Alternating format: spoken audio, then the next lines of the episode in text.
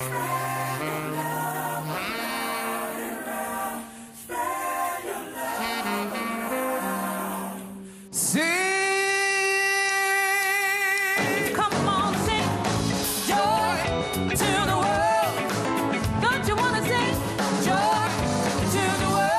Vandaan komt, wat je ook gelooft, what this world needs is love. Tussen 6 en 23 december spelen Sherma Rouse en Dwight Dissels een Spread the Love Tour. Want muziek verbindt ons allemaal. Maak jouw kerstgevoel compleet en kijk snel op spread-love.nl voor alle speeldata en boek snel je ticket.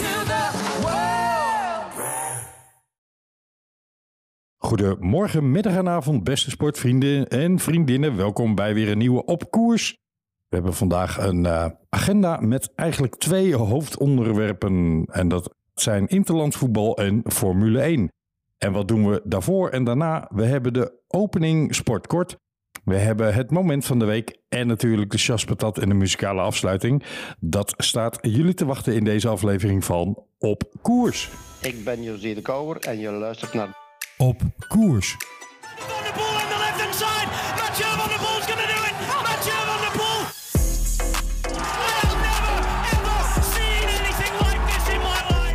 Ik heb opeens zo'n gevoel dat we in de halve finale gaan komen. Ik ben Peter Winnen en je luistert naar Op Koers. Eigenlijk lijkt Feyenoord veel meer op Ajax dan dat Feyenoord zelf beseft. Dit is Bergkamp. Dit is Bergkamp. Stap in de laatste bocht in Barcelona. Dit is Bergkamp. Dit is Bergkamp. Jaren zit je naar dingen te kijken en te ogen.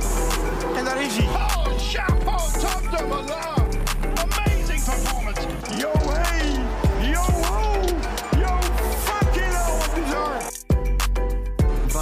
je ziet nu 1 kilometer vlak. Op Koers. Scream his name. I have been Tom Dumoulin. What a great ride that was. Jorn, welkom. Hey Camille, hi Camille. Hoe is die? Goed, goed. Hoe is het met jou? Ja, lekker. En dat in tegenstelling tot onze mede-host Ginio, die helaas vanwege corona afwezig is. En onze mede-host Wesley, waarvan de oma een eh, ongevalletje heeft gehad. En eh, ja, hij daar even op bezoek is gegaan. En dat verdient natuurlijk voorrang boven deze podcast. Dus alle begrip daarvoor. Maar daardoor zijn we even met z'n tweeën. Heb je er zin in? Ja, ik heb, er, ik heb er zin in. Ik moet zeggen, jij begint wel eens de opening, Camille, wat zo hebben vierkante ogen gekregen van het kijken. Ik vond het wel wat meevallen dit weekend ten opzichte van die andere keren. Wat jij? Ja, dan heb jij live Formule 1 gekeken. ik ook niet hoor. nee, maar ik heb wel Dan andere had je, sport gekeken. dan had je in ieder geval wallen. Ja, dat is waar. ik Maar ook. ik, ik heb wel sport gekeken. Alleen ik moet zeggen dat het eventjes... eh, ja, weet je, zo'n interland voetbalperiode. Ik vind dat toch altijd eh, toch even een dipje of zo. Ik heb toch meer met mijn club dan met het eh, Nederlands elftal, merk ik. En ook, ja, als zo het wielrennen ook in, in zijn winterslaap zit... dan wordt het toch lastig. Maar goed, er, is wel, eh, er is wel degelijk sport geweest. Want eh, daar gaan we het denk ik eh, kort over hebben, hè Camille? Ja, waar ik in die winterslaap van het wielrennen soms heel erg jaloers van word, is als ik dan op X bijvoorbeeld een filmpje van Mathieu van der Poel voorbij zien komen, die heerlijk op trainingskamp is in, ik denk ergens zonnig Zuid-Spanje. In ieder geval in een zonnig oord aan de kust. Dus het zal wel in Spanje zijn. En eh, ja, daar eh, vrolijk aan zijn, eh, zijn opbouw werkt richting de modderkoersen, maar in ieder geval nu in het zonnetje reed. En dat zag ik op een moment dat het hier weer met bakken uit de hemel kwam. Dat is toch wel te benijden. Het, is lekker hè, als je op Tenerife kan trainen of op Mallorca of wat dan ook. Zo in de winter. Hè. Die wielrenners die doen het allemaal. Ik ben stik jaloers op ze man. Die hebben echt zo'n zo'n zo'n zo'n winter waarin je echt... Ja, ze moeten ook zichzelf ook helemaal afbeulen hoor. Maar het is toch lekker man. Als je zo in de winter op je fiets lekker ergens in het zonnetje kan trainen. Heerlijk. Echt hè? Laten wij snel aftrappen met Sportkort.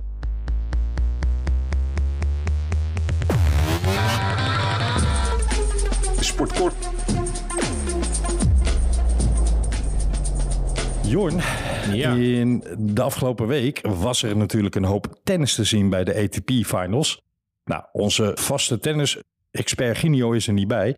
Maar ik heb toch eventjes twee partijen goed kunnen zien. En laten dat nou toevallig twee hele gave partijen zijn geweest. Namelijk die tussen Sinner en Djokovic. En nog een keer Sinner en Djokovic. Want die speelden tegen elkaar Zeg maar in eh, de plaatsing voor de finale en in de finale zelf. En in de eerste partij won Yannick Sinner op een prachtige manier. En eh, ja, die, die, die bestreed Djokovic echt met zijn eigen kracht, maar ook met een manier die, eh, waar Djokovic geen antwoord op had. Hij bestreed Djokovic een beetje met zijn eigen wapens, wil ik haar zeggen. En die won eh, ja, in drie sets. Prachtig. Drie hele spannende sets.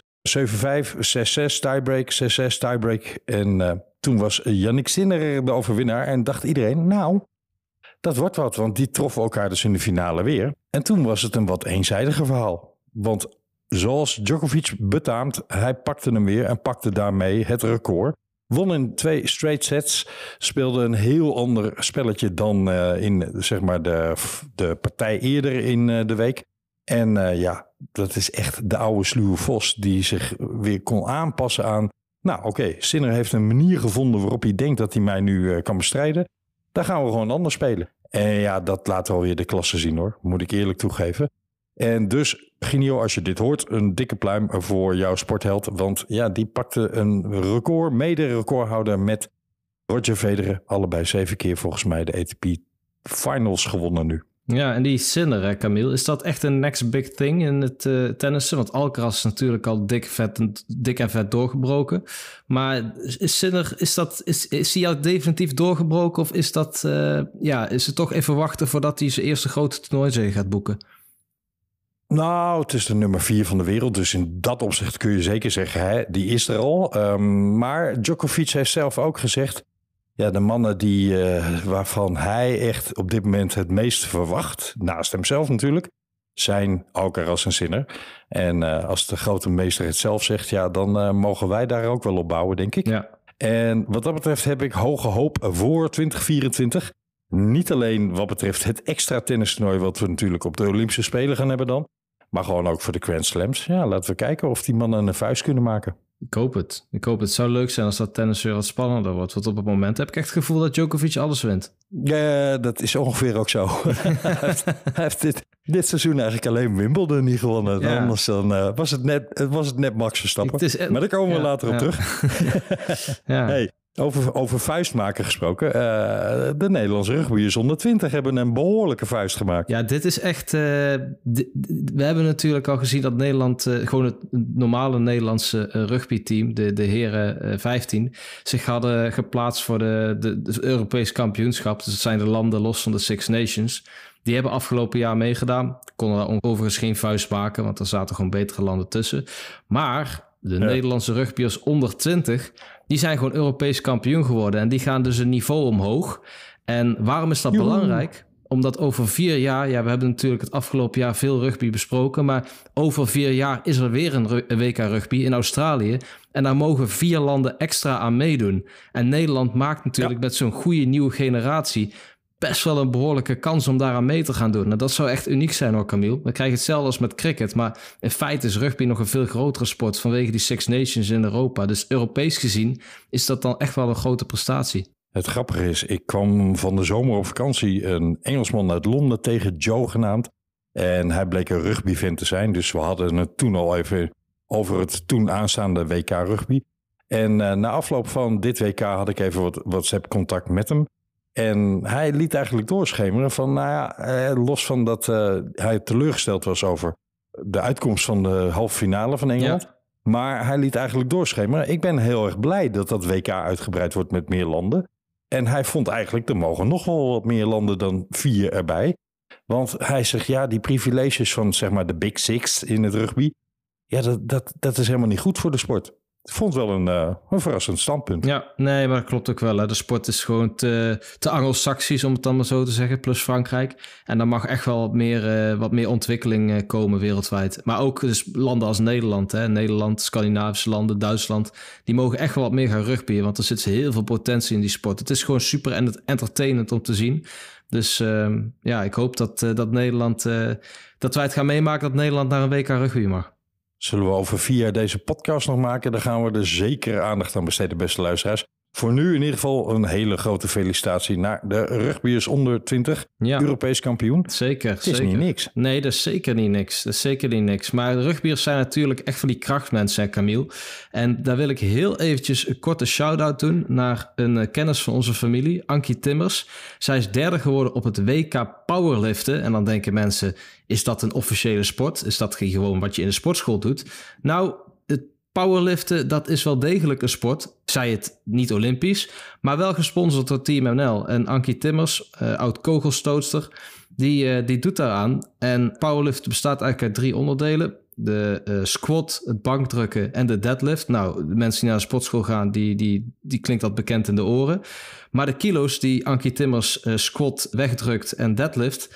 dat is respectievelijk 220 kilo, 190 kilo en 215 kilo. Dus ik wil even... Ja, het is niet goed voor het ego van alle mannelijke luisteraars van onze podcast... die naar de sportschool gaan. Ik maar hield dit ook is echt... even heel strak mijn mond dicht. Ja, dit is, dit is echt gigantisch. Eh, ze is wereldkampioen bankdrukken. Dat moet er eventjes bij gezegd worden. Dus die titel die heeft ze sowieso. Maar ehm, ja, ze werd dus afgelopen weekend eh, eh, in Litouwen eh, derde op het WK Powerliften. En dit werd overigens gewoon op Eurosport uitgezonden. En het wordt dus ook gesponsord door Team NL. Dus het is wel degelijk een sport met een groot bereik. Mooi, mooie shout-out. En ehm, ja, voor de echte sportliefhebbers, of ja, de, de vraag is of je voor wat ik nu ga noemen een echte sportliefhebber moet zijn. Maar voor de mensen die nieuwsgierig zijn naar van die aparte sporten. En Italië heeft daar wel een handje van. Je hebt natuurlijk in Siena heb je de beroemde paardenrace hè, tussen de verschillende wijken in Siena. Die, eh, die dan tegen elkaar strijden. Maar in Florence, in Firenze, hebben ze ook iets in die trant. Alleen daar waar er geen paardenrace is, is het een soort van... Ja, ze noemen het zelf calcio. Is, is dat dat uh, storico. gladiatoren vechten, Camille? Ja, bijna wel, ja. Ja. Het is een soort van mengeling tussen mm, iets wat ergens vaag op rugby moet lijken. En eh, iets van MMA. Het is, het is bizar om te kijken. ja. Ben je nieuwsgierig, kijk dan even op Calcio Storico. Maar het is ook ergens dat je denkt... My lord, hoe bedenk je dit? Hoe, wie, wie haalt dit in zijn hoofd? En toch is dit al, ik wil zeggen eeuwenlang... maar dat weet ik niet zeker. Maar in ieder geval heel, heel erg lang... eh, zeker, zeker 100 jaar lang... een traditie in Firenze. En ja, als je er filmpjes van kijkt... dan begrijp je werkelijk niet wat die mensen bezint... Ja. om aan die sport mee te willen doen. Nee, dat Heb je klopt. het wel eens gezien, Johan? Ja, ik heb het wel eens gezien, maar dit is echt zo'n traditionele sport. Hè? Het is zo'n sport die, die in één land dan wordt uitgeoefend. Noem het maar traditioneel. Ja, maar dat, is het, is, het is primitief. cult- cultureel is het eigenlijk. Hè? Nee, maar wat ik net bedoel, het WK Powerliften, dat doen we natuurlijk allemaal in de sportschool. Hè? Wat jij nou benoemt is natuurlijk ook zo'n sport die we niet vaak zien. Maar dat is dan maar ergens in één deel van de wereld waar dat uitgeoefend wordt. Ja, nou, ik zal heel kort toelichten. Het is een soort verre variant van rugby. Maar ondertussen staat er ook een... Het zijn drie linies van mannetjes. En, eh, nou, mannetjes, een stuk voor stuk behoorlijk gespierde eh, mannen. En de achterste linie eh, die verdedigt een doel wat over de hele breedte van het veld is. De middelste linie mag aanvallen en doelpunten maken. En de voorste linie heeft eigenlijk als doelstelling de tegenstander uitschakelen. En dat mag u vrij letterlijk nemen, luisteraars. Want dat mag by any means possible. Ik zag dat er drie regels zijn. Je mag één, iemand niet van achteren tackelen zonder dat hij het kan zien. Of tackelen zonder dat hij het kan zien überhaupt. Je mag iemand niet van achteren tegen het hoofd tackelen of slaan. En je mag niet, iemand niet tegen de slapen aan schoppen, slaan of wat dan ook. En voor de rest mag ongeveer En alles. de rest mag allemaal wel. Ja, dat is vrij veel. Het is echt, echt, het is echt bizar. Maar goed, dat even voor de ja, diversiteit in de sporten. Jorn, Ja, dan eh, hebben we denk ik de sport kort wel, eh, wel gehad. dat denk ik wel. Zullen wij doorstomen naar het moment van de week? Gaan we en dat doen. is jouw moment. dus pak de shine.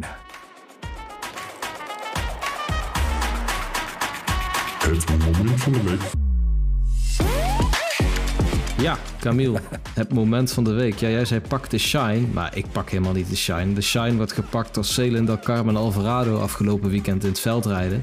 Zij wint gewoon eh, twee crossen achter elkaar. Eerst wint ze de cross, eh, de aardbeiencross, de superprestige op zaterdag. En vervolgens wint ze de wereldbeker in Troyes in eh, Frankrijk. En met name die laatste, Camille, dat beeld, dat vergeet ik niet snel. Kijk, ik zei net van dit is niet echt een memorabel weekend qua sport geweest. Maar dat zal voor... eh, Vanwege voor- de emotie, hè? ja, voor, ja, precies. Dat zal voor Alvarado wel anders zijn. Want die kwam echt Wow. zondag in op tranen tuiten over de streep als winnares. Had zojuist Puck Pietersen verslagen. Nou, dat is al een hele prestatie. Hè? Want eh, eh, van Fem van Empel en Puck Pietersen... dat lijkt toch wel een beetje het duel te zijn dit jaar. Maar Alvarado die beukt zich ertussen. En ja, heel gek is het eigenlijk niet, hè, Camille. Want Alvarado is gewoon een megatalent... die even in de put heeft gezeten... na de wereldtitel in 2020... Maar ze is helemaal terug. En dat zij twee wedstrijden achter elkaar wint. Ze werd afgelopen weekend dus in Troyes op, op zondag compleet onder druk gezet door Puck Pietersen. Maar ze, ze, ze weerhield zich, hè. ze hield stand. En sloeg iedere aanval af en ging er uiteindelijk erop en erover. Ontzettend knap. En ik, ja, ik, ik kan niet anders zeggen dat ik heel veel respect heb voor, voor de, eigenlijk de comeback van, eh, van Alvarado. Maar eigenlijk is het een beetje raar om te spreken over een comeback, Camille. Want ze is nog zo jong, hè? dat vergeten we nog wel eens. Ja, maar we hadden het in een uitzending of wat geleden daar ook al over. Klopt. Dat ze toch ook wel na die wereldtitel een, ja, een, een soort van dip lijkt te hebben gehad. Kwam er gewoon wat minder aan te pas. Eh reed fatsoenlijke uitslagen, maar niet de sprong naar voren die ze toen maakte. Terwijl ze toen nog eh, gerechtigd was om onder, ehm, wat is het, onder 23 mee te strijden om de zeker. titel. Maar al die meisjes, Ehm, al die meiden zijn super jong. Hè? Pietersen van, van, van Empel. Maar ja, Klopt. Het, het is...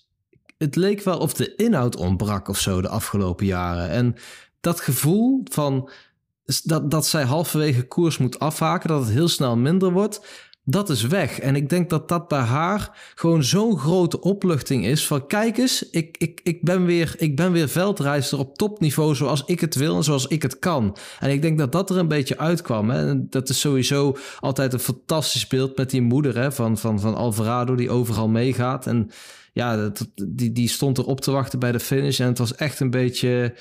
Ja, het, het, was echt zo'n zo best wel zo'n typisch sportmoment wat je, wat je raakt of zo. Ik weet het niet. Het was fantastisch.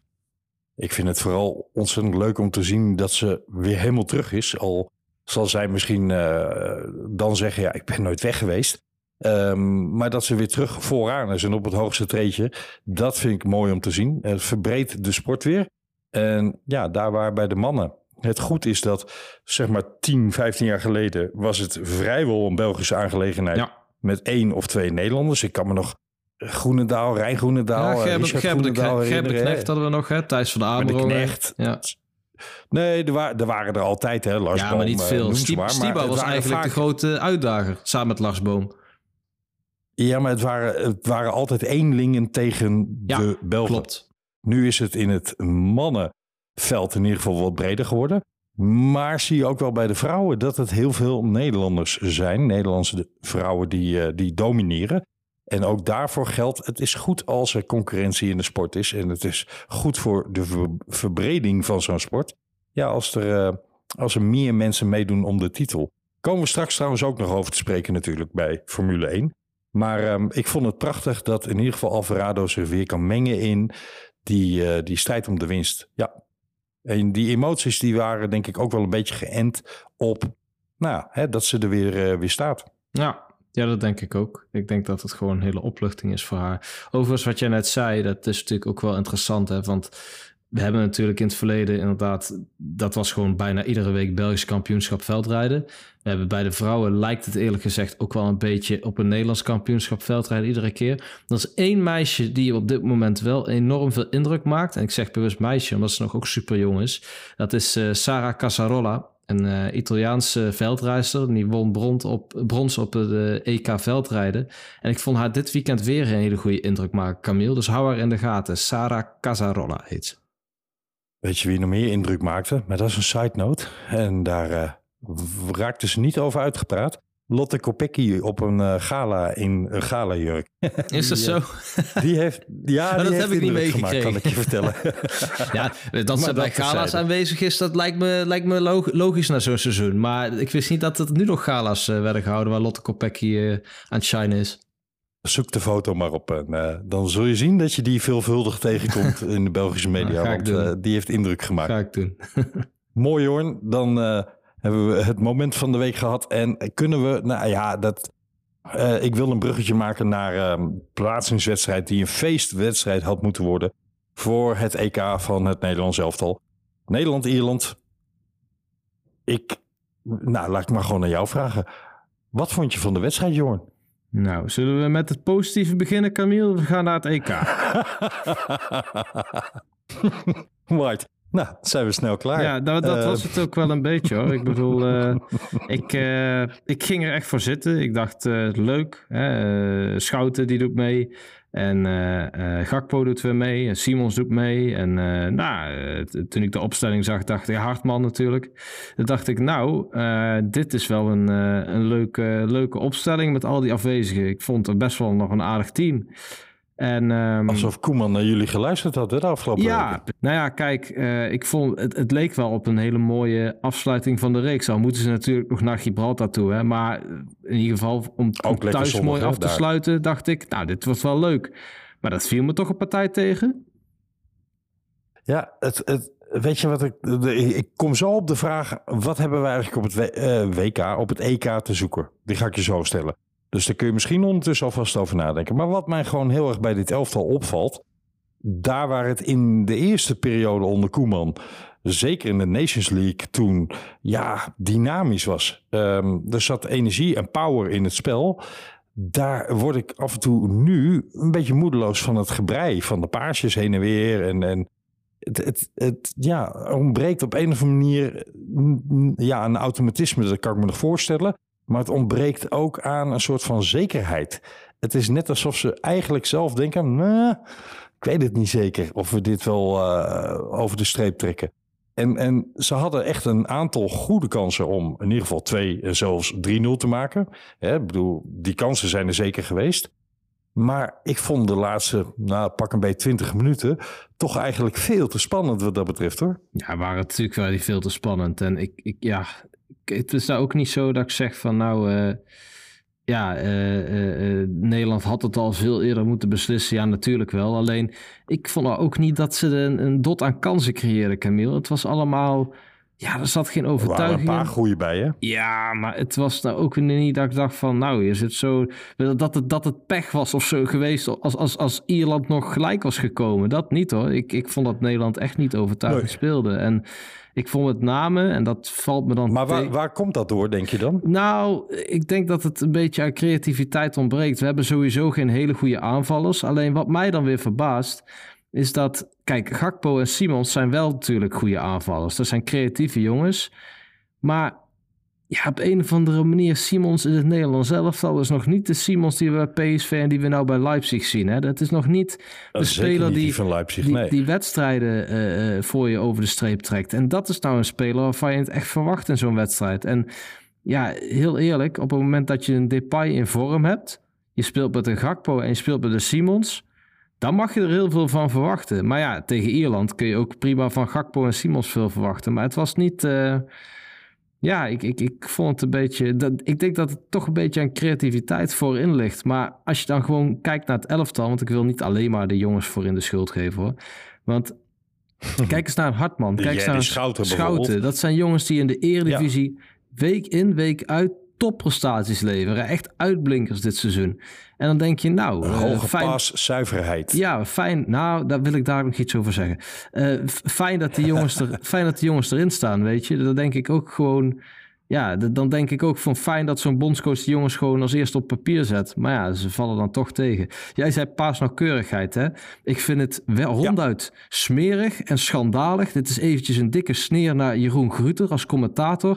Dat je de eerste helft de paasnauwkeurigheid van Schouten gaat uitmeten. Want volgens Opta lag hij zo laag. Dan denk ik prima, meneer Jeroen Gruter. Maar waarom gebeurt dat niet op het moment dat een andere speler een keer een statistiek heeft die opvalt? Ik heb nog nooit een commentator over paasnauwkeurigheid een statistiek zien delen. Dan denk ik, oké, omdat de Schouten daarin uitblinkt, is het leuk om dat te vermelden. Maar dat doet hij dan specifiek bij Schouten. En dan denk ik, goh, wat is dit nou voor, voor, voor, voor opmerking? Dat doe je toch ook niet bij andere spelers bij wie ze ta- statistieken wat lager liggen. Als een spits eh, niet scoort in het Nederlands elftal, terwijl hij aan de lopende band scoort in de competitie, dan ga je daar toch ook geen statistieken op loslaten? Dat is toch ook midden in een wedstrijd? Dat is toch ook raar? Ik vond het echt een waardeloze eh, actie nou, van dat ben ik met je eens. Midden in de wedstrijd is vreemd. Dat ben ik eens. Maar het, het, dit pleidooi klinkt ook heel grappig nadat jij en Wesley vorige week Bobby eh, door dik en dun Nee, maar luister, als je En- dat achteraf en- doet en- in een analyse, daar is daar niks mis mee. Maar dit Ja, was midden in de wedstrijd. Dat ben ik met je eens. Dat is toch raar als commentator? Je gaat hier in één keer de is- uithangen. Ik snap wel waar die vandaan kwam. Want eh, Schouten maakte een aantal zeer onkarakteristieke fouten. Eh, balletjes die niet aankwamen, ballen over de zijlijn. Ja, hij zei achteraf, ja, van tevoren voelde ik geen spanning.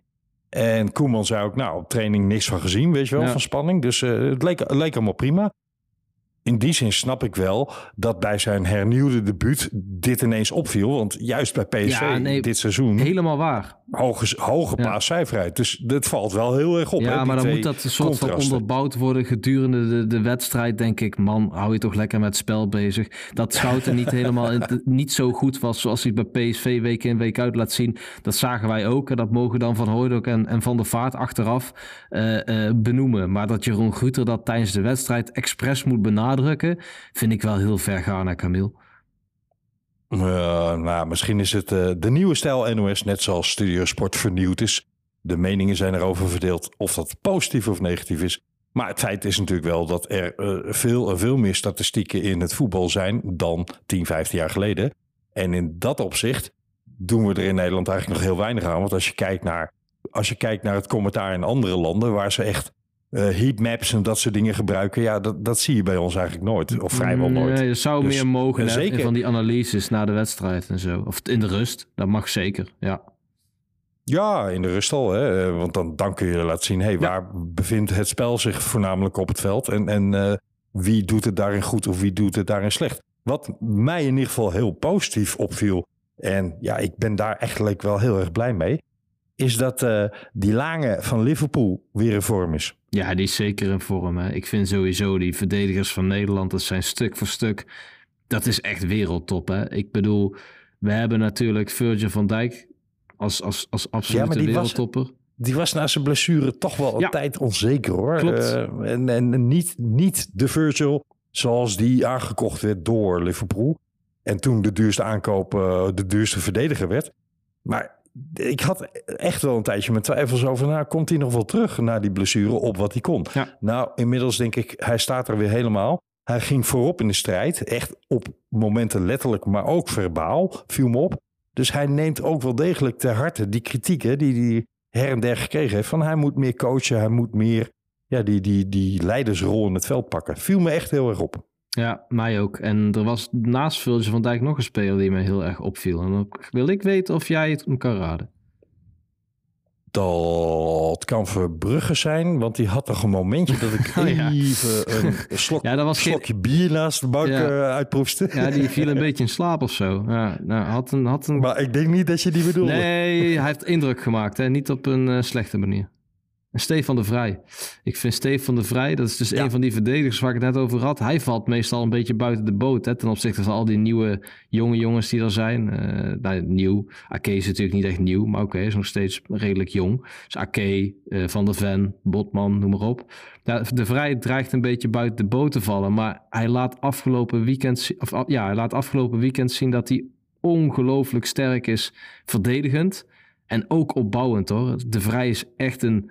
Ja, dat bewijst in Italië natuurlijk al jaren. Maar dat is ook een wereldtopper. En dat, dat vond ik fantastisch om te zien. Nou, wat ik ook heel prachtig vond, is dat hij na afloop een, eh, heel reëel, eh, maar ook heel down-to-earth interview gaf. Waarin hij zei: Luister, want onder andere werd hem de vraag gesteld: Ben je blij dat je weer eens een goede wedstrijd hebt gespeeld? Ja, tuurlijk. Hè, eh, voor de hand ligt het antwoord. Maar toen ze zeiden: Heb je je moeten verbijten dat je er dan wel bij zat al die tijd, maar niet in de basis stond? Toen zei hij: Ik doe gewoon mijn ultieme best. Eh, ook een riedeltje, wat we natuurlijk vaker horen. En als de coach wil dat ik er sta, dan sta ik er. En dat heb ik hem laten zien. En daar ben ik heel blij mee. Ja. En hij deed verder helemaal geen aanspraak, geen claim. Hij zei niet van, eh, nou, ik hoop dat ik nu het ongelijk van de bondscoach heb eh, aangetoond. Nee, hij zei zelfs, ik hoop dat ik er bij het EK bij mag zijn. En ja, dan, eh, dan zal ik weer diezelfde rol vervullen. En hij gaf ook aan dat zijn rol voor een deel ook in de kleedkamer zit. En in de groep zit. Hè? In het Ja. eh, coachen en in het eh, samenhang brengen in die groep enzovoorts. Fantastisch. Echt, echt. ja, terecht ook. Ja, hij is een van de weinige jongens kunnen die... nog wel wat voetballers wat van leren. Ja. Hij is een van die weinige jongens uit 2014 nog, hè, Camille. Dat is even een belangrijk feit. Dus dan het laatste succesvollere WK van Nederland. Zeker, zeker. Maar daar kunnen een hoop jongens nog wat van leren. Waaronder een zekere spits van het Nederlands elftal. Ja, Want ik heb me kapot geërgerd Oh. aan de houding die die gast heeft. De, de afgelopen tijd al hoor. ja, ja. ja. Maar bij, na afloop van de- deze wedstrijd, het was stuitend. Letterlijk stuitend. Ja, ja, ik vond het ook niet heel, eh, heel fraai. Ik vond zelfs een beetje... eh, ja, Nederland is geplaatst voor het EK, maar de zagrijn overheerst een beetje, ben ik bang. En Weghorst, die, eh, ja, die, die leek wel of hij het aanvoelde komen. En dat hij dacht, zo, nou ga ik even mijn punt maken. Dat ik denk van, nou jongen, hou daar nou gewoon een beetje gezelliger. Volgens mij was het een terechte vraag. En eh, hè, wat, hij, wat, hij, wat hij nou zelf van de wedstrijd vond. Ga er dan op in. Want nou, dat was de vraag niet. Hè? wat was de, De vraag was meer... Waarom kwam het er niet uit dat jullie meer scoorden? Ja, en, en waarom eh, Ja. werd het zo'n zo'n ja. zo'n laffe wedstrijd, zeg maar, in het- mijn woorden geformuleerd. ja, maar het ging wel over de wedstrijd. Hè? Het, het ging natuurlijk over het, spel van het Nederlands elftal. En, en, en hoe hij, ja, en wat zijn, wat zijn plaats daarin eigenlijk is. En hoe, hoe hij uit de verf kwam tegen Ierland. En dat, was- ja, dat was niet heel. Ja, heel, natuurlijk, zo'n Weghorst die wordt met zo'n vraag geconfronteerd. En die moet daar. Die moet daar gewoon een eerlijk antwoord op formuleren. Net als Stefan de Vrij dat ook gewoon doet. Net als jij die Schouten dat trouwens ook gewoon deed. Hè? Die werd ook gewoon geconfronteerd met... Goh, het valt me op dat je niet zo'n lekkere wedstrijd speelt... als we je bij PSV zien doen. Ja, dat, dat viel hem... Dat, daar kan hij ook gewoon een antwoord op formuleren. En Weghorst die... Ja, die, die, die weerkaatste eigenlijk de vraag. En die ging eigenlijk met, de met de media eh, in gevecht, om het allemaal zo te zeggen. Ja, maar op een manier, eh, als Lionel Messi dat doet op het WK, dan de hele wereld al stuitend achterover van doe niet arrogant hè, na de wedstrijd, de, de wedstrijd En Nederland-Argentinië. terecht trouwens. En, en zijn reacties, tuurlijk, Ja. terecht. Eh, maar wie denkt Wout Weghorst dat hij is, joh? Dat hij een arrogante houding kan aannemen en dat hij een journalist die gewoon zijn werk doet Ja. en een vraag stelt. Je mag zeggen, eh, ik vind de vraagstelling negatief. Mag prima. Ja, Ja. Maar doe het met normale energie, doe het met een normale blik. En die gast die doet al een tijdje een beetje raar, valt me op. Ja. Ik denk dat het tijd wordt dat Wout Weghorst weer even neerdaalt op aarde. Je mag dan een paar keer voor Nederland gescoord hebben. Helemaal prima. Maar doe maar gewoon. Doe je al gek genoeg. Precies, precies. hey, wat viel ons nog meer op? Hoe Frankrijk het voorbeeld gaf aan Nederland. Hoe Nederland tegen Gibraltar zou kunnen en moeten spelen.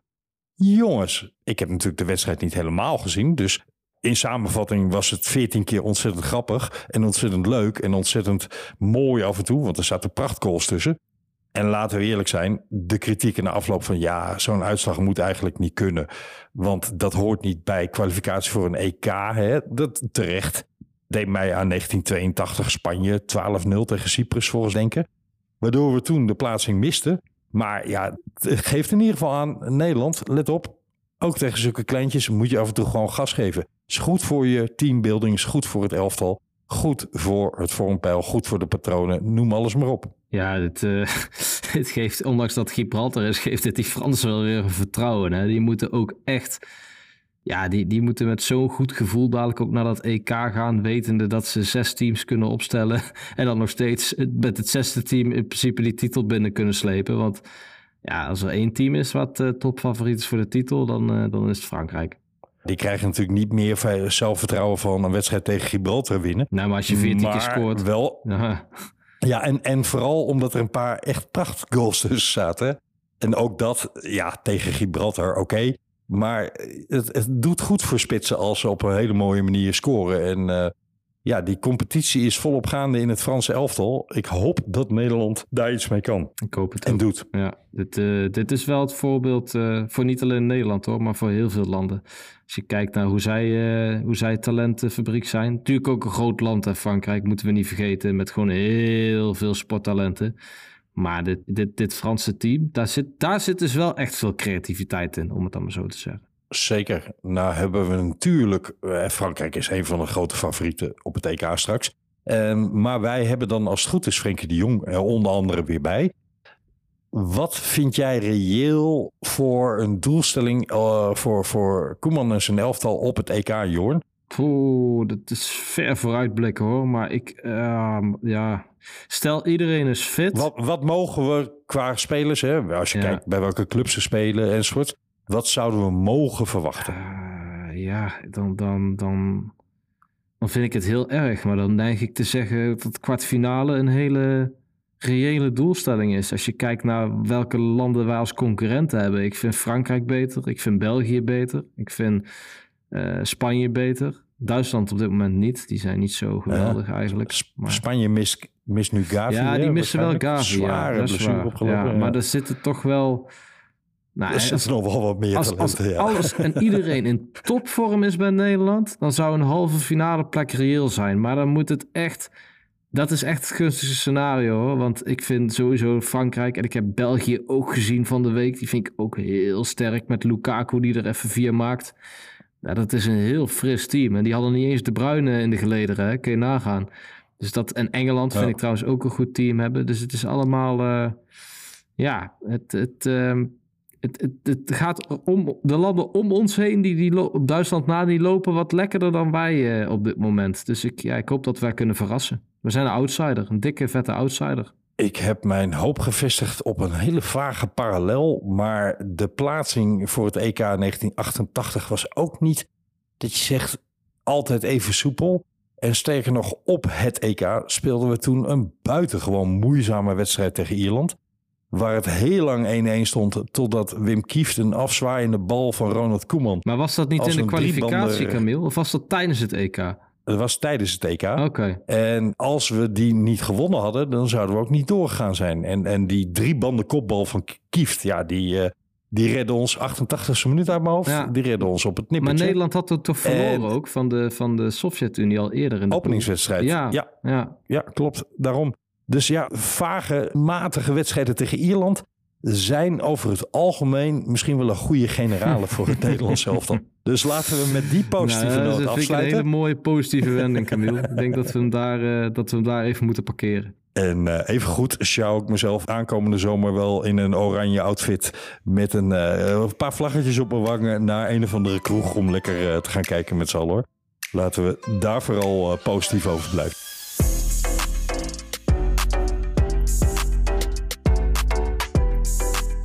We gaan door, Jorn. Want als we het over voetbal hebben, dan komen we vanzelf ook bij de chas patat terecht. Chas patat. Nou, ik moet wel eens nodig sassen, dat kan wel kulpen, ja. Jorn, de, de chas patat is vandaag eentje.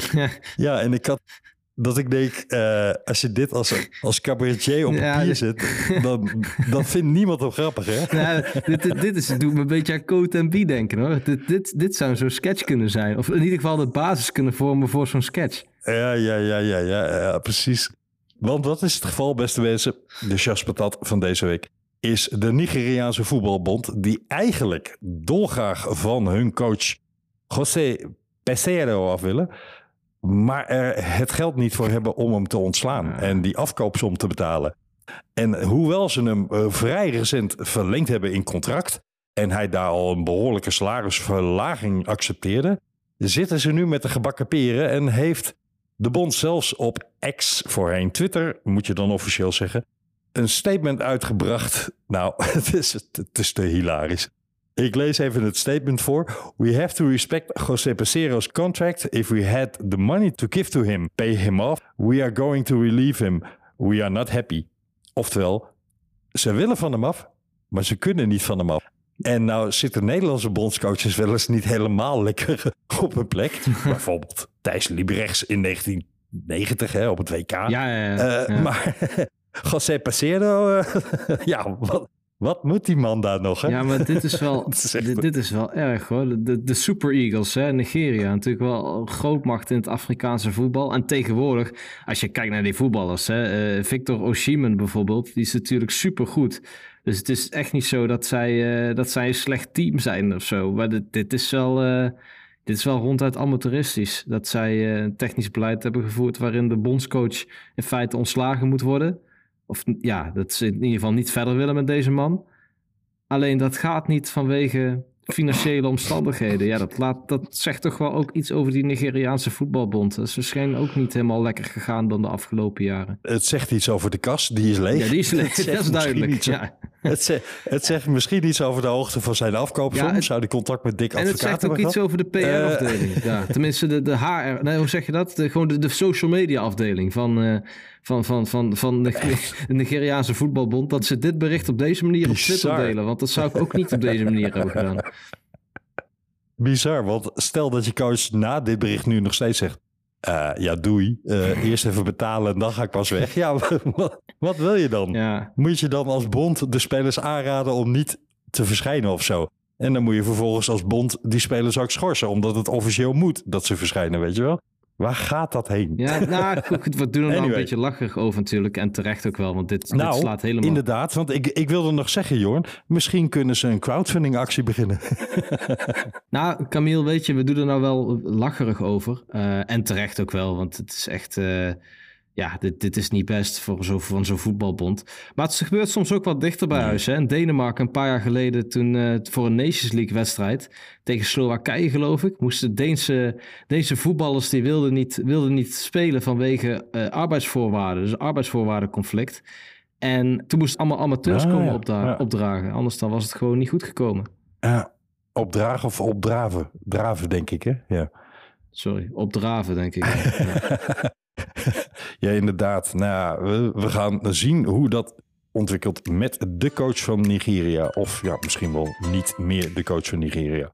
Sterkte voor hem in ieder geval.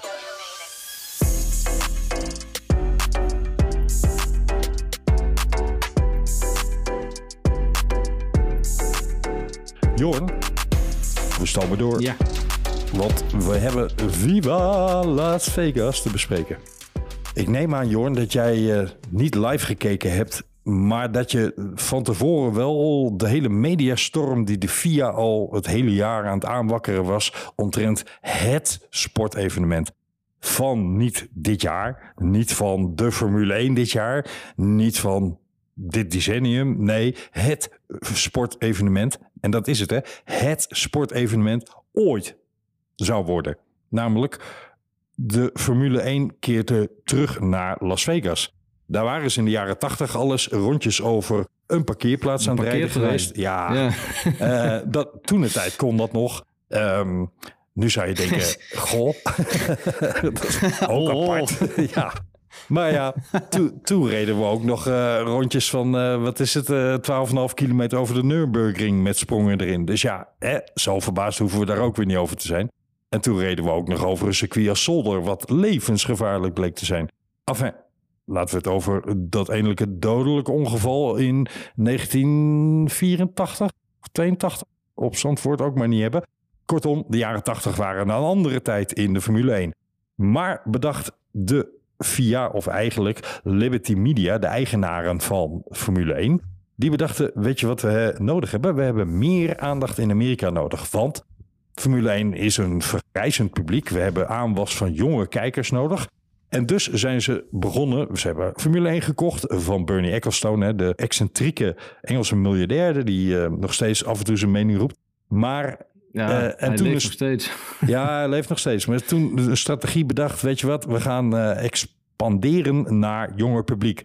En daar kwam onder andere Drive to Survive uit voort. En daar kwam ook het verlangen uit voort om meer Formule 1 races in Amerika te gaan doen. Wat op zich begrijpelijk is als je een Amerikaanse eigenaar hebt en die willen Amerikaanse publiek bereiken. Ja, dan kan ik me best voorstellen dat je zegt, we gaan daar eh, drie races doen in plaats van één. Prima, tot je dienst. En dat je dan in Las Vegas wil rondrijden. Oké, tot daar aan toe. Dat de stad Las Vegas, althans de inwoners, steen en been klaagden over alle overlast die ze al zeker een maand, zo niet langer aan het ervaren waren. Want allerlei wegen afgesloten, noem maar op. En eh, ja, dat, dat hoort er dan misschien ook wel bij. Dat de duurste tickets. Je mag één keer raden, Jorn. Hoe duur was het duurste ticket voor de Grand Prix in Las Vegas? Ja, dat wil ik niet weten. Dat, eh, nou, doe eens dat- gewoon een gok. Een wilde gok. Doe vooral een wilde gok. Ja, wat, wat, wat, wat krijg je ervoor? Eh, applaus voor mij als je hem goed raadt. Ja, god. Eh 200.000 euro, dollar? 1 miljoen.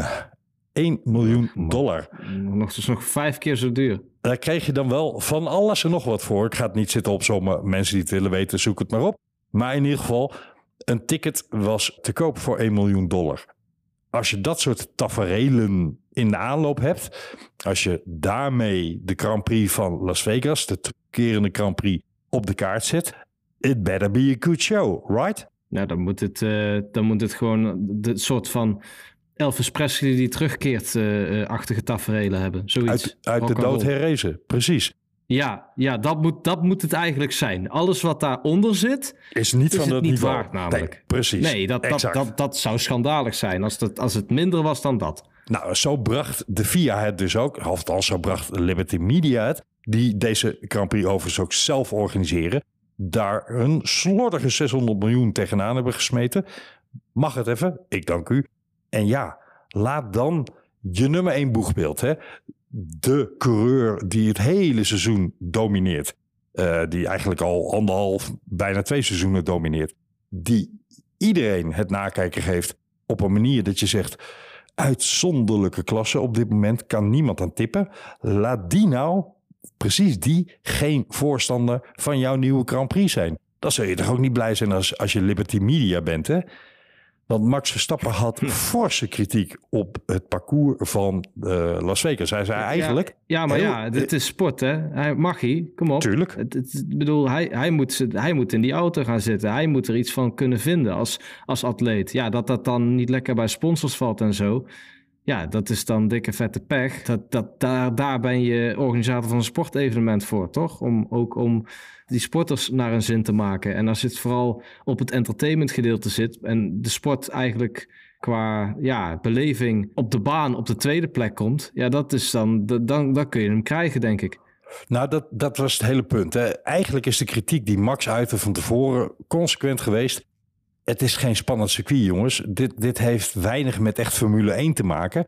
Het eh, is een circuit zonder emoties. En daarbij verwees hij naar onder andere Monza en naar Spa, Francorchamps. Klassieke tracks, zullen we maar zeggen. Klassieke circuits. Waar de tifosi of de fans eh, uitzinnig zijn. Maar ook al jarenlang naar die Prix gaan, weet je wel. Dat uiteraard kon je niet verwachten van de fans in Las Vegas. Want die, of die moesten uit de jaren tachtig stammen. Maar ze wilden juist de jonge publiek aanboren. Enfin, zijn kritiek was met name gericht op het feit dat het geen spannend circuit was. En dat kwam er eigenlijk op neer. Als je alleen maar rechte einden met haakse bochten verbindt. en drie DRS-zones op al die rechte einden plakt. dan wordt het vast wel een, een spectaculair raceje. Want hè, iedereen kan elkaar inhalen met al die DRS-zones. Maar het heeft weinig met echt stuurmanskunst en echt vakmanschap en echt racen te maken in de ogen van Max Verstappen. Dat was zijn kritiek. Hij zei eigenlijk, hier kan ik niet uitblinken, hier kan de RB19 niet uitblinken, hier kan eigenlijk niemand uitblinken, want het is gewoon een soort kartcircuit in het groot. Min of meer, mijn eigen woorden, maar min of meer waar zijn strekking over was. Na afloop zei hij op zich ook wel weer terecht, Overigens dat het een hele leuke race geworden was. Hè? En dat dat ook te verwachten was met al die rechte, en, eh, en eh, rechte einden en DRS-zones. Dus ja, helemaal consequent was hij ook weer niet in zijn teksten. Maar ik vind ergens wel dat hij een punt heeft. Namelijk, hoeveel straatraces hebben we nodig in een, in een seizoen? Wat vind jij daarvan? Ja, we hebben. Het, het wordt steeds populairder, denk ik, die straatraces. Maar ik kan me herinneren dat wij in Nederland ook nog heel even een discussie hadden bij de terugkeer van de F1 Assen, in Nederland. Of we- ja, ja, Assen, maar ook een stratencircuit wat be- behoorde tot de mogelijkheden. Het lijkt wel op het moment dat deze sport wordt, eh, hè, de- aan het innoveren raakt, dus dat er ook nieuwe landen bij betrokken worden en eh, er wordt gekeken naar mo- mogelijkheden om een Formule 1 race te organiseren, dat een stratencircuit tot een reëlere optie behoort. Of zeg ik dan iets geks? Het is op een of andere manier een, een eh, goedkopere mogelijkheid. Hè? Want je hoeft niet een heel circuit aan te leggen en, en jaarlijks te onderhouden. Nee. En om de zoveel tijd van nieuw asfalt te voorzien. Want veel van die circuits, die hebben gewoon heel erg moeite met de exploitatie hè, door het jaar heen. En eh, ja, één keer een Formule 1 race per jaar is vaak niet voldoende om alle kosten op peil te houden. Om, om Nee. het circuit op peil te houden en de kosten te dekken. Dus dat, dat Nee, is misschien het probleem. Maar ik denk wel dat Max een terecht punt had. Want als ik de beelden terugzie op mijn netvlies, dan denk ik ja, dit had ook wel een andere nacht of avondrace kunnen zijn. En dat het de strip was en dat we af en toe een shot zagen van Las Vegas eromheen, zag ik op de baan verder ook niet terug. Nee, het was, het was niet. eh, het, het was niet het spektakel waar, eh, waar van tevoren, waar, wat van tevoren werd aangekondigd. En waar mensen dan ook, eh, had, ook op hadden kunnen hopen. Maar ja, desalniettemin. eh ja, hoe zouden die. Ik wou eigenlijk zeggen, zullen de organis- organisatoren er wel blij mee zijn geweest. Maar is dat al bekend? eh, hoe ze het uiteindelijk hebben gevonden? Al die lui die er zoveel geld tegenaan hebben zitten smijten? Nou, ik lees verschillende berichten over eh, liability procedures. Want wat is het geval? Op vrijdag begonnen we met een ongelofelijke mispeer wat betreft de eerste die vrije training. Ja, als je, je, je zult toch een, een, Put- een, put- een, een, Putgate. Ja. putgate, inderdaad. Je zult toch een prachtige rode Ferrari hebben en Carlos Sainz heten. En dan zo ongeveer bijna je achterwerk missen nadat er een putdeksel je auto doorschiet. En ja, hebben ze ook nog straf voor gekregen, toch? ja, daar kom ik zo op. Maar de, de, de- eerlijk Oh. gezegd, hè, als je dan zo'n hype maakt van tevoren van het sportevenement van all time, ever. eh, forget the Rumble in the Jungle. Forget Pelé, forget Maradona, forget everything you ever saw in any sport. Dit wordt het evenement. Nou ja, en, de en de schiet bij de eerste, de beste gelegenheid, na acht minuten, al een putdeksel dwars door een Ferrari heen. ja. Sorry dat ik lach, want Carlos Sainz ja, was bijna geen mannetje meer. Zijn stoel was behoorlijk gehavend. Die hele Ferrari was gegord. Schande. Dan denk ik, dan heb je iets toch niet helemaal goed gedaan als organisatie Liberty Media.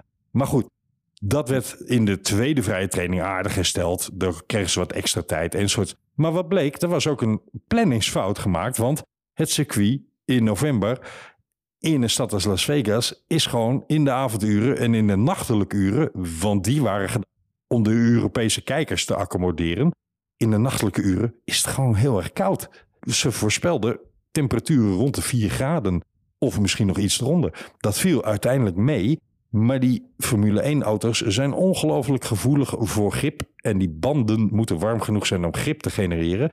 En iedereen had er moeite mee. Dat zag je bij de start van de race, dat zag je in de vrije trainingen, je zag het in de kwalificatie.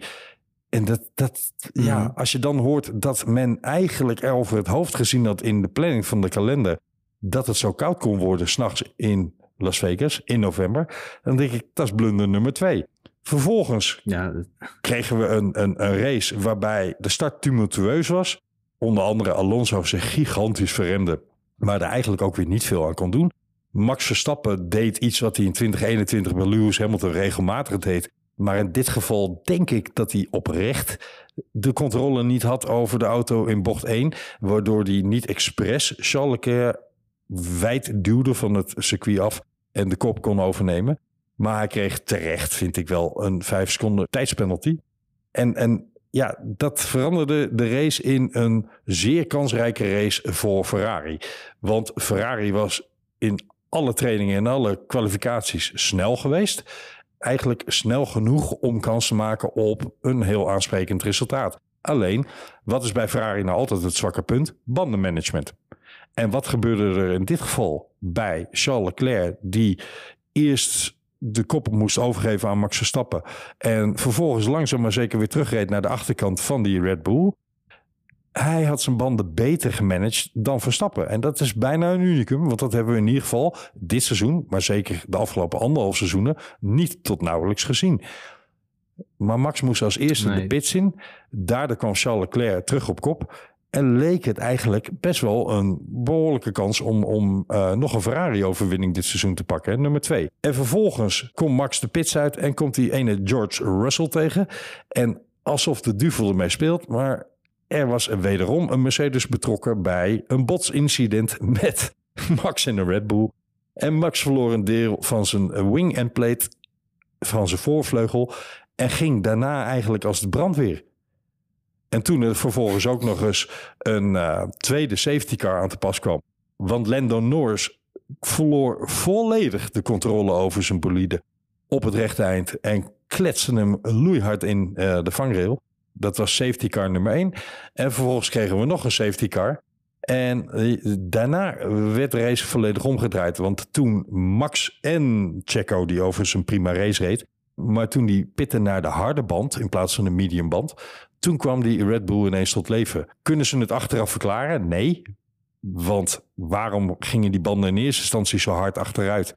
En kon Ferrari dat wel? Geen van de coureurs had een, uh, had een echt antwoord daarop. Het antwoord wat was iets in de trant van... nou, we moeten eerst de data eens bekijken. Maar toen Max dat is toch eenmaal... wel mooi hè, in zo'n sport, Camille. Dat ze het toch uiteindelijk ook dingen niet helemaal geduid kunnen worden. Ja, dat het zo'n technische sport en iedereen staat met zijn bek vol tanden aan het einde. Vind ik toch mooi. Het, het grappige was toen Max eenmaal op die, die uh, harde band stond en met een kapotte voorvleugel rondreed, maar ging als de brandweer.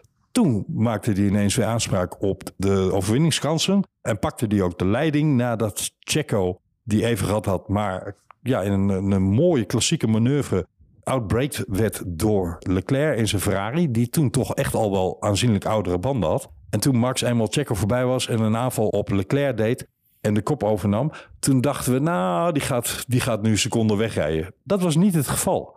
En het grappige is inderdaad, jongen, wat jij zegt, waar Red Bull het hele seizoen heeft laten zien op één race na, hè, uh, in Singapore. Maar het hele seizoen heeft laten zien dat ze onder alle omstandigheden, opdrogende banen, nat wordende banen, warme banen, minder warme banen, dat ze overal de controle over die auto hadden. Twee momenten na, Eau Rouge op Spa en Singapore. Daar moesten ze echt maatregelen nemen om die auto goed onder controle te houden. Daar leken ze het strategisch op orde te hebben in de race in Las Vegas. Maar eigenlijk ook niet helemaal onder controle te hebben wat die auto nou precies deed. Desondanks. Nee, dat was eigenlijk toeval. Ja, het was, het was misschien wel toeval. Maar Checo reed vanaf achteraan helemaal naar plek 3 toe. Uh, wat overigens best plek 2 had mogen zijn hoor, Checo. Als je je in Brazilië door Fernando zou laten verschalken, hoe kan het dan dat dat weer gebeurt? Hè? Het, is, het is af en toe met die man ook wel heel apart. Maar ik moet zeggen, alle lof voor Leclerc. Die werd terecht driver of the day. En reed een fantastische race. En zal achteraf zich werkelijk, werkelijk de haren uit zijn hoofd trekken. Dat Ferrari besloot niet te pitten voor nieuwe banden op het moment dat de rest van het veld bijna allemaal, en in ieder geval de Red Bulls om hem heen, het wel deden. Want dat heeft hem uiteindelijk de overwinning gekost. Had hij nieuwe banden gehaald bij de tweede safety car, weet ik bijna zeker dat Max moeizaam voorbij was gekomen. En in ieder geval niet kwijtgeraakt was, waardoor hij in de DRS-zone zou hebben kunnen blijven. En over DRS-zones gesproken wil ik nog een laatste opmerking maken. Want waar eerder in het seizoen de Mercedesen elkaar een tow gaven, weet je wel. Uh, je blijft een beetje in de buurt van degene die achter je rijdt in, van hetzelfde team. Waardoor de achterste ja. auto een tow krijgt. Of in ieder geval een DRS. Ja, een soort slipstream is dat, hè? Ja, en in ieder geval de kans om een DRS open te hebben. Uh, daar reed Max net ver genoeg voor Checo om geen DRS te hebben. en kon Leclerc dus op het rechte eind uiteindelijk voorbij. En deed Max alsof hij ongelooflijk teambuilding of teamwerk aan het doen was. Maar vond ik eigenlijk dat hij Checo niet voor de eerste keer toch een behoorlijk oor aan hoor. Ja, dat bedoel ik. Ja. Ja, dat, dat, dat, dat, ja, dat valt toch wel een beetje op dan of zo. Ik weet niet. Ik, ik heb het gevoel dat, dat Max af en toe Checo uh, bewust of onbewust een beetje voor lul zet. Kan, kan, dat kloppen? Ja, ik weet niet of het voor lul is. Ik denk dat er gewoon nee, ergens dat iets zeg onderhuids... Ik, ik bedoel dat hij hem, dat hij hem gewoon niet, niet voor lul zet, maar even, even piepelt. Weet je wel, om te zeggen van, ja, ik ben beter, uh, gast. Ja, dat, dat laat hij natuurlijk in alles zien. Uh, maar hij, hij had hem vorig jaar wel degelijk kunnen helpen. Hè, op weg naar plek 2 toen in het WK. En dat liet hij heel nadrukkelijk na. Communicatief over de boordradio en met zijn acties op de baan. Maar hij liet het eigenlijk nu ook na. Desondanks, Checo wordt gewoon tweede in het WK. Omdat, omdat Hamilton en Mercedes een dramatisch weekend hadden. Werden 7 en 8. En ondanks dat Russell een goede race reed, had hij een uh, penalty aan zijn broek. Waardoor hij uh, vier plekken verloor. ja, dat waren niet de omstandigheden waar Mercedes op zat te wachten. Wat mij wel heel erg opviel. Dus applaus voor Checo dat hij tweede wordt in het WK hoor. Maar ook na afloop zei Max daarover. Ja, dat was altijd al de doelstelling. Dus goed dat we dat gehaald hebben. Niet iets in de trant van. Nou, knap van Checo. Heeft hij toch nog goed hersteld. Mooi uit het vuur gesleept. Nee. Ja. En, en daarmee geeft hij elke keer wel van die signaaltjes. Hè? Het zit niet helemaal dat je zegt lekker met die twee. Maar wat mij ook opviel, Lewis Hamilton en Toto Wolff en Mercedes als team. Volgens mij hebben die aandelen bij Las Vegas. Want je kon werkelijk niets kwaads over de hele race uit hun mond horen. Niets. Na afloop niet. Van tevoren niet. Alles was halleluja en alles was eh hemeltergend mooi en prachtig en eh, noem maar op dat lijkt ook eh, dat politieke spel in de Formule 1 wel weer te zijn van, ja, wie weet waar de betrokkenheid van Mercedes en Liberty Media over deze nieuwe Grand Prix zat. Eindoordeel, Jorn, wat zeg jij? Is dit er eentje waarvan je zegt, ik ben blij dat hij toegevoegd is? Of zeg je, ik kan er mis als kiespijn? Ech, dat laatste, joh. Het is toch helemaal niet... eh, ik, ja, ik vind sowieso... Tegenwoordig lijkt de Formule 1 op zoek te zijn naar meerdere races in hetzelfde land. Dus da- daar is op zich niks op tegen. Mits het ook een beetje Formule 1 historie heeft. En dit, eh, dit leek wel een soort van entertainment experiment te zijn. En ik heb er eerlijk gezegd... eh, ja, Formule Dat 1 maakt is entertainment. Maar ik vond dit tegenover eh, wat het zeg maar voor had moeten stellen... vond ik het toch zwaar tegenvallend. En hoeft het voor mij niet terug te keren. Was de race leuk? Ja, tuurlijk. De race was leuk, want eh, veel inhaalacties gezien. Ja, doen die Eh, ik heb veel... Het is niet per definitie... Ja. Ja. kijk, je kunt het parcours leuk maken, maar daar kan ook ergens anders, bij wijze van spreken. Ja, maar ik heb veel, veel hele mooie acties gezien. Niet per se alleen maar DRS-inhaalacties. Dus de coureurs hebben inderdaad hun uiterste best gedaan... er een van de leukste Grand van het seizoen van te maken. Maar de omstandigheden waaronder ze dat moesten doen... met alle poespas eromheen... en met alle mislukkingen van die vrije training 1 enzovoorts... eh, ja, dat, dat, dat maakt dat het desondanks was. Dat is een mooi woord daarvoor. Ik vond het een mooie race... Ik vond het zeker niet voor herhaling vatbaar op de manier waarop het nu gegaan is. Doe het gewoon lekker op een tijd dat en de Amerikaanse fans beter bediend worden. Oh ja. Want ook daar was een akkefietje mee. Hè? Die zaten om twee uur s'nachts nog op de tribune om vervolgens te horen dat ze vrije training 2 niet mochten zien, want er was te weinig beveiligingspersoneel nog aanwezig. En werden toen gewoon doodleuk naar huis gebonjourd. Eh, dus vandaar misschien die rechtszaken. Maar doe het gewoon zoals vroeger Japan, hè, of nog steeds, op een tijdstip dat het voor de fans te- op locatie te doen is en leuk is. En ja, wij Europese kijkers moeten ons daar dan maar aan schikken. En als je dan toch nieuw publiek wil aanboren, moet je die misschien ook leidend maken. En niet op een Europees tijdstip doen, want het was werkelijk midden in de nacht op een gegeven Zou ik moment. het jou zeggen, Camille? Ik ga, ik ga één laatste opmerking maken. Europees tijdstip zeg jij, zeg maar gewoon Brits tijdstip. Ik denk dat dat Ja, ermee te maken heeft. Precies. En dan wil ik eigenlijk afsluiten met wat ik echt, echt, echt een hele diepe schande vond. Namelijk eh, de crit penalty die Carlos Sainz kreeg. Die kreeg dus een putdeksel dwars door zijn Ferrari heen gelanceerd. En eh, ja, die Ferrari was logischerwijs vrij totaal los. Moest in 4,5 uur compleet omgebouwd worden. Nieuw chassis. En hij moest zelfs een stoeltje laten repareren. Nou, van alles nog wat. Een eh, power storage unit moest vervangen worden. En als je dat soort vervangingen doet, dan staat er in de regels van de Formule 1. Dan krijg je een penalty als dat al eh, je zoveelste vervanging van het seizoen was. Hè? Als je er meer dan drie of vier, of afhankelijk van welk onderdeel, eh, een x aantal vervangen hebt. In dit geval was dat natuurlijk volkomen overmacht. En daar waar de stewards hadden kunnen besluiten. We kijken naar de situatie en de regel naar de geest van de wedstrijd, zoals dat bij scheidsrechters in het voetbal dan zo mooi heet, hadden kunnen toepassen, hebben ze hem letterlijk toegepast. Want wat staat er in dat grote reglementenboek van de FIA?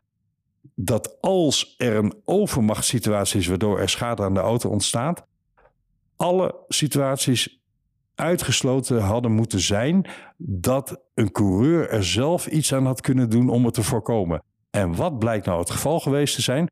Omdat voor Carlos Sainz al een Renault beschadigd was geraakt door een putdeksel, was er een gele vlagsituatie en had Carlos Sainz niet voldoende gas teruggenomen. Met andere woorden, hij was in overtreding van het gele vlaggenreglement En daardoor had hij niet alles gedaan om te voorkomen dat die putdeksel die in zijn Ferrari klapte, ja, dat hij dat misschien wel zelf had kunnen voorkomen.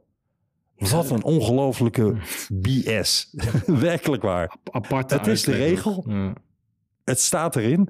Maar ja, dit, dit mag niet mogen. En terecht hebben zowel Sainz na afloop als Verstappen als andere coureurs ervan gezegd. Deze regels moeten echt aangepast worden. Want als je schade hebt die volledig buiten je eigen geschuld om, eh, of buiten je eigen betrokkenheid zelfs om, hè, dat je geen stuurfouten maakt of wat dan ook. Als je daardoor schade loopt, ja, dan zou dat eigenlijk niet mee moeten tellen in dat x aantal onderdelen wat je in een seizoen mag vervangen. Het lijkt net, een, lijkt net een verzekering, Camille. Ja, Zo van precies. alles. eh, het moet aan alle, elk regeltje voldoen. Wil je, wil je het vergoed krijgen? En in dit geval ook. Hè, van, het moet allemaal precies binnen het wetboek van de FIA passen. Want anders is het natuurlijk zou gewoon je natuurlijk ook kunnen zeggen, hij telt niet mee voor het aantal vervangingen. Maar omdat je wel eh, te hard reed met de gele vlag, krijg je daar een penalty voor. Hè? Dat was dan een andere uitkomst geweest. Eh, net zo goed niet valide in dit geval in mijn ogen, maar toch. Hè? Zo kun je alle kanten op. Maar soms moet je iets meebuigen met de regels, zullen we maar zeggen. Vond ik het een mooie eh, race? Ja, aardig. Voor herhaling vatbaar niet per se. En daar gaan we zo in de muzikale afsluiting nog even over door.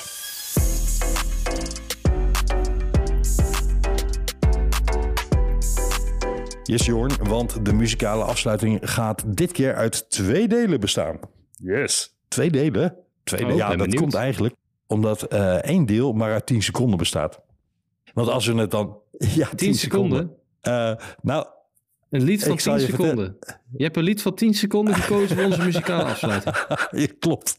Maar Dit is altijd best wel een hoogstaand iets. Ik ben hartstikke trots op deze rubriek in onze podcast. En dan ga jij een lied van 10 seconden uitkiezen. Dan moet je even Ze uitleggen. hebben, deze band heeft er ook nog mee opgetreden bij wat vroeger een eh, beroemd muziekprogramma in Nederland was, Countdown met Adam Curry. En ze hebben gewoon op het podium bij Countdown gestaan hè, en dat nummer gespeeld. En dat was na 10 seconden zo klaar, ja. Nou, daar zou, ik- daar zou ik ook een ticket voor hebben gekocht hoor. Eh, Net als bij eh, Las Vegas. als je daar dan 10 euro voor betaalt, is het relatief gezien een heel duur ticket. Ehm, en precies daarover gaat dit nummer, althans daar slaat het nummer op. Want eh, het eerste nummer van de muzikale afsluiting, beste luisteraars, gaat zijn De Raggende Mannen. Een oud Nederlandse punkband met eh, ja, beroemde titels en beroemde nummers. Zoek ze maar op, De Raggende Mannen. Maar het nummer wat ik zo meteen ga laten horen heet Nee, is niks. Nee, is niks. En dat duurt dus letterlijk seconden. En omdat dat toch wel een beetje erg aan de korte kant is voor onze muzikale afsluiting. Want terecht zegt Jorn, deze rubriek heeft toch enige standing? Hè? Mogen we toch wel enige aanvaardbare muziekkeuzes in maken? Gooien we daar een andere Nederlandse band bij achteraan. En dat is een band die helaas niet meer bestaat. Maar waar ik altijd groot fan van was. Gotcha. Gotcha, een Haarlemse band, was een Nederlandse funk rock go-go band. En go-go, zegt u, wat is dat in hemelsnaam? Go-go is een muziekstroming uit Washington DC. Een funk met heel erg veel percussie en eh, gebaseerd op dat je eindeloos lang door kon blijven spelen als band en mensen echt letterlijk een urenlange danceparty hadden. En dan moet u niet aan dance als in de moderne dance denken, hè, IDM en zo. Nee, dance als in funkmuziek. En een Nederlandse band die Kogo speelde, ja, dat was toch wel iets bijzonders hoor, kan ik je vertellen, in de tijden van Gotcha. Vandaar dat ik heb gekozen voor een nummer wat ook nog eens heel toepasselijk is, want wat een hoop woorden werden er gewijd aan de Grand Prix van Las Vegas van tevoren. En daarom gaan we als tweede nummer luisteren naar Gotcha met Words, Nothing But Words. Mooi. Mooie keuze. Ik hoop eh, dat jullie ervan genieten. Je kunt natuurlijk onze hele playlist vinden in de show notes. En wat je ook in de show notes vindt is de playlist van Dwight en Sherma voor hun kersttournee. Zoek die even op als je nou een mooi eh, kerstconcert wil bezoeken. En eh, ze zijn door heel Nederland te vinden. Dus eh, ja, ga die, play, die speellijst, moet ik geen playlist noemen, ga die speellijst checken, beste mensen. Jorn, ik vond hem leuk. Dankjewel. Yes. We zien elkaar eh, over twee weken. Volgende week zal ik er niet bij zijn. Dan ben ik Ja. lekker op vakantie. Maar daarna sluit ik weer Ik lekker eh, wens jou een heel zonnig verblijf toe in het mooie Marrakesh. Want daar ga jij heen. Dankjewel. Fantastische stad moet het zijn om eh, lekker een weekje te vertoeven. Oh, Ge- Geniet ervan. Yes. Wij spreken jou over twee weken weer. Beste luisteraars, bedankt voor het luisteren. Ciao.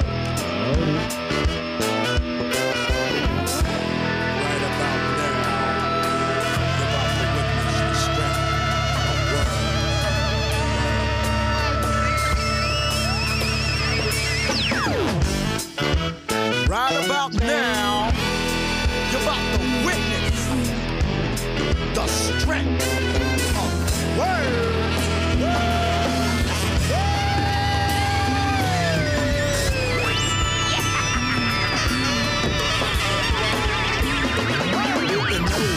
right part I sat down and wrote it. Can't get enough of none of that, and that's exactly why I quote it. Love it when I recycle, repping bits and pieces. Like to say hello to all my nephews and nieces, aunts and uncles. Mickey Rourke's knuckle.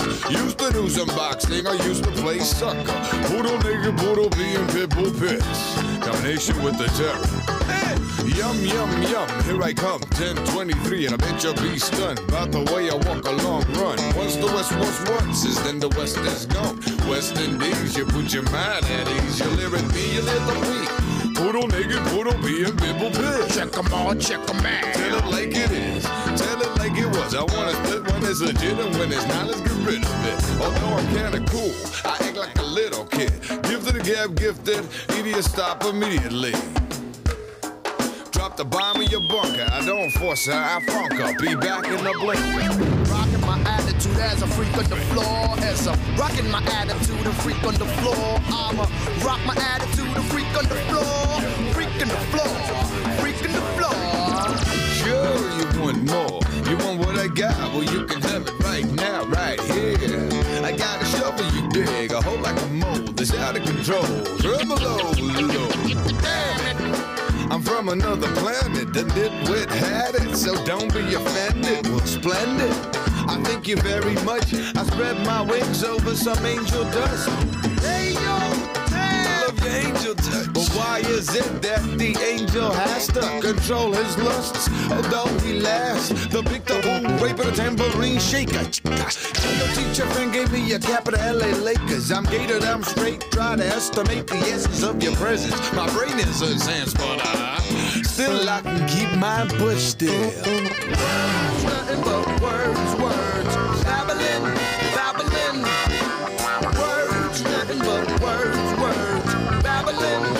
Babbling. Words, nothing but words, words. Babbling, babbling.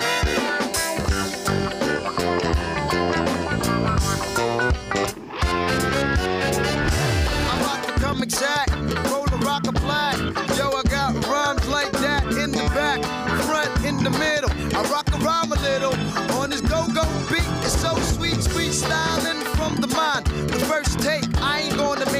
I just go on, rock the rocket and I don't stop. I got the T-E-N and yo, we know we're about to drop some words, words for your ears to listen to. While you're dancing to the beat, it's so sweet, ain't it? It's kind of funky.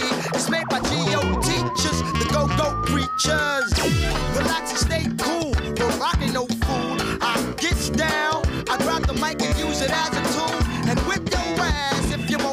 And blast from the back. now pat. Nothing but words, words. Babbling, babbling. Words, nothing but words, words. Babbling, babbling. Nerds, nothing but nerds, nerds.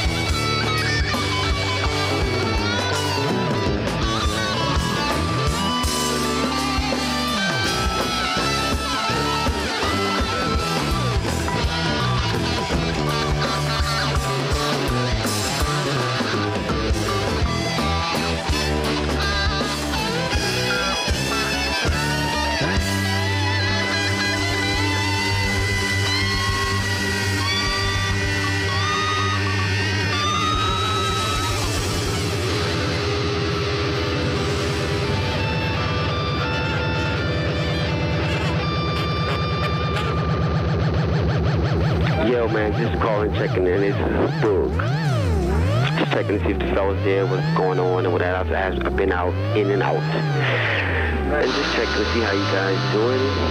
You're not in. This is a message from Boog. Love you guys. Peace out, man. Give me a shout. Okay, bye.